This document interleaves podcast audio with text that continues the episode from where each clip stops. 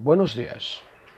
En el post de hoy eh, intento contestar a las consultas que me formula Luz. Y Luz lo que me plantea es eh, cuáles son las claves eh, del éxito profesional y qué tiene que hacer o qué tiene que consolidar para, para, para conseguirlo.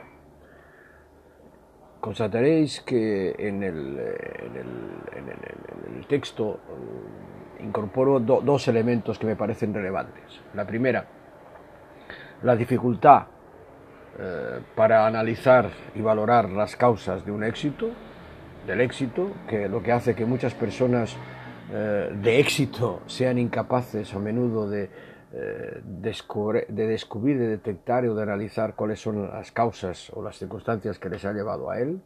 Y la segunda, que sí que me parece relevante, y es que eh, genéricamente las personas de éxito son aquellas que han sabido centrarse todos sus esfuerzos en mejorar sus habilidades y competencias. Gracias.